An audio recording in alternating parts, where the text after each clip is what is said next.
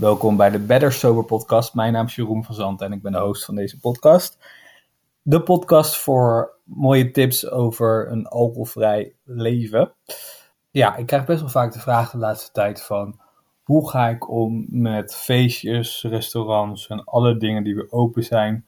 nu we niet meer in een lockdown zitten en nu de beperkingen zo goed als weg of helemaal weg zijn... Ehm, en ja, dat is best wel een uh, vraag die ik vaak uh, krijg.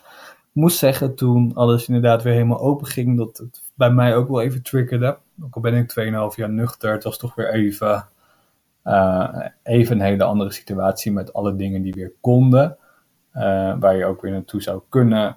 maar plekken bijvoorbeeld waar ik zelf dan ook niet per se meer wil komen.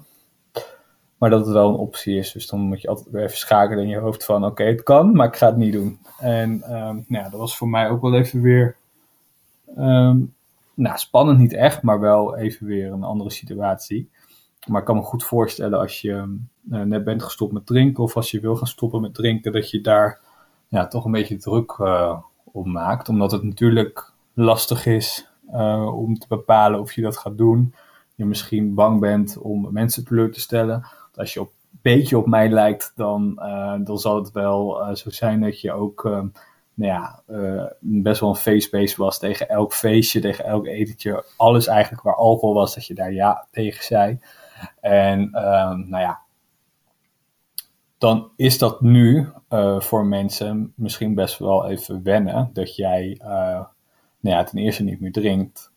En ten tweede misschien ook wel uh, geen zin hebt om ergens naartoe te gaan, maar dat je dat zelf dan moeilijk vindt om uh, bijvoorbeeld nee te zeggen. En dat is ook wel, denk ik, het allerbelangrijkste van deze aflevering, is dat je uh, grenzen aangeven. En zoals ik net al zei, als je overal ja tegen zei vroeger, is het nu best wel moeilijk om nee te gaan zeggen.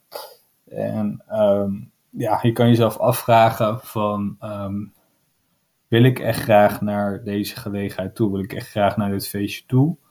En dan is het uh, nog maar nog, nog de vraag inderdaad ook van hoe voel ik me daarbij? Hoe voel ik me op het moment dat ik daar ben? En ben ik er eigenlijk echt klaar voor om weer bijvoorbeeld op een huisfeestje of op een andere uh, gelegenheid te zijn?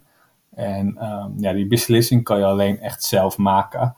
Maar ik zal er vooral echt bij jezelf even nagaan van hoe voelt het? En um, word ik er heel angstig van? Of heb ik wel zoiets van, nou, het is een beetje spannend, maar ik denk wel dat ik het aan kan. En ik heb uh, mensen om me heen die, um, nou, die weten dat ik niet drink. Dat is natuurlijk belangrijk.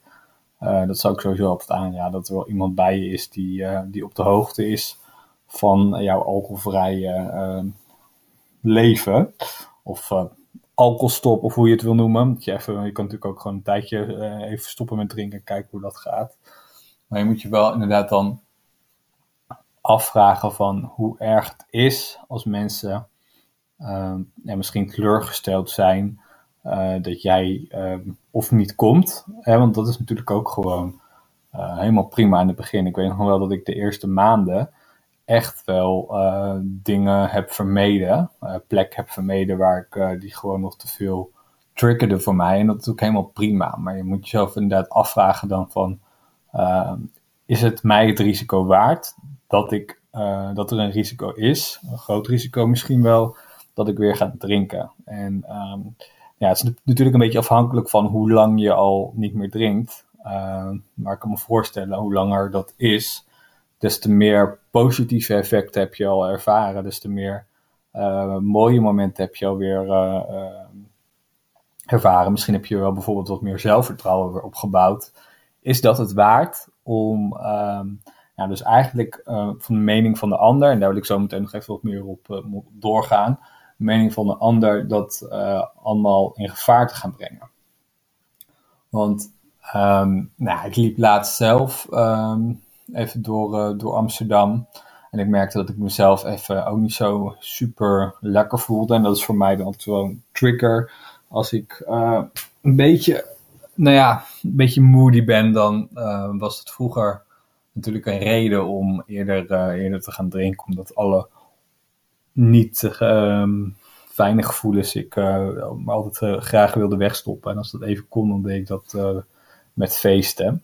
dus toen, toen liep ik daar zo. En ik had niet zo per se dat ik dacht van nou, ik ga echt weer drinken of zo. Maar ik had wel zoiets van, nou laten, laten we het even gaan bekijken. wat er zou gebeuren als ik het wel doe. En ja, kijk, ik heb voor mezelf de afgelopen twee jaar zoveel Ehm, mooie momenten gehad, maar zoveel meer opgebouwd ook. Natuurlijk nu met mijn uh, bedrijf ook als coach.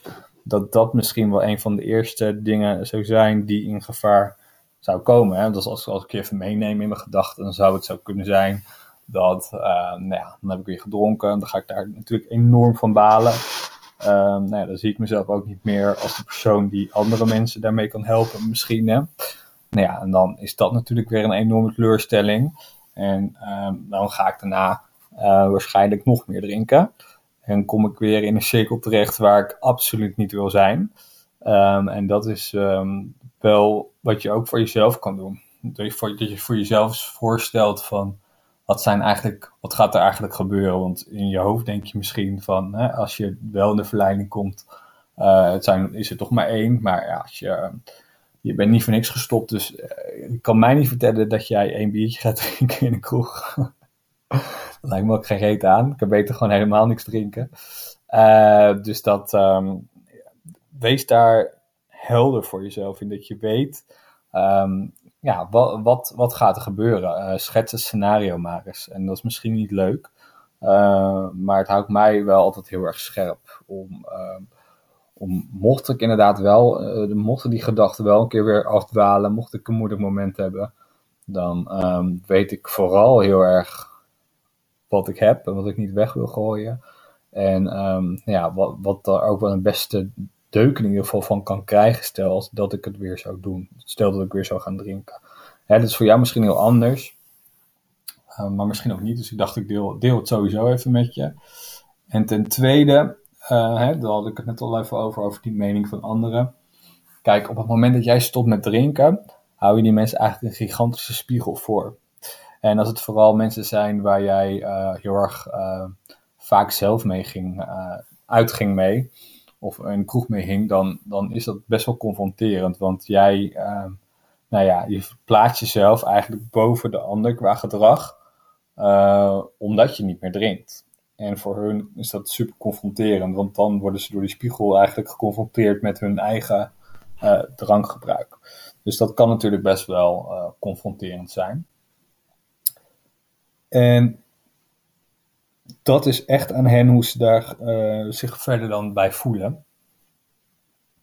En is ook echt iets wat dan bij de ander ligt. Want jij hebt geen controle over hoe iemand anders zich gaat voelen omdat jij bepaalde beslissingen hebt gemaakt, weet je. Dus het zou dan ook nooit zo moeten zijn dat een opmerking van iemand anders, die altijd komt vanuit hun perspectief, dus van, vanuit dat zij inderdaad iets, iets merken wat blijkbaar dan uh, toch ook triggert. Dat ze zelfs zoiets hebben van, ja, oh, eigenlijk drink ik ook wel veel, maar heb ik helemaal gezien om naar te kijken. Dus uh, ik ga gewoon uh, een opmerking naar jou maken van wat gek dat je niet meer drinkt, bijvoorbeeld.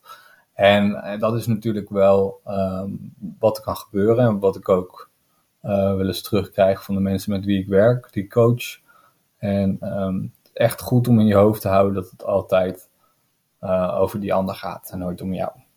En het zou zo zonde zijn als je zeg maar door die mening, um, alles wat je de afgelopen tijd hebt opgebouwd, nou ja, gooit het natuurlijk niet helemaal weg. Ik geloof niet dat je dan weer opnieuw begint. Maar het zou zonde zijn als het natuurlijk niet nodig is. Dus um, nou ja, dat zijn even de tips die ik uh, mee wilde geven over, um, over alles aangaande met weer in de kroeg en met op feestjes zijn en met de opmerkingen die je dan, uh, die je dan kan krijgen. En nou, om het af te sluiten, je bent sowieso nooit verantwoordelijk, je bent sowieso nooit verplicht om, om daar iets over te zeggen. Je kan gewoon zeggen, ik drink niet. Je kan gewoon zeggen van, uh, ik ren een marathon. Uh, kies iets wat je wil kiezen. Het hoeft niet de waarheid te zijn. Het gaat verder uh, niemand wat aan. En nou ja, ik denk natuurlijk wel als het gaat om je betere vrienden, dat het wel helpt als zij gewoon eerlijk weten wat er aan de hand is. Maar dat is echt helemaal aan jou hoe je dat verder natuurlijk uh, inricht met je vriendschappen. Um, maar weet dat je nooit uh, alcohol is eigenlijk het enige waar, waar mensen dan raar gaan doen. Ik bedoel, als je stopt met de kook, dan krijg je een lintje als je stopt met roken, vindt iedereen je ook heel stoer. Maar blijkbaar is alcohol is natuurlijk zo geaccepteerd om ons heen dat het altijd gewoon nog gaat triggeren bij mensen. Ehm, dus ja, zeg gewoon lekker wat je wil zeggen. En maak je er niet te druk over. En weet dat het niet over jou gaat, maar over de ander zijn relatie met alcohol.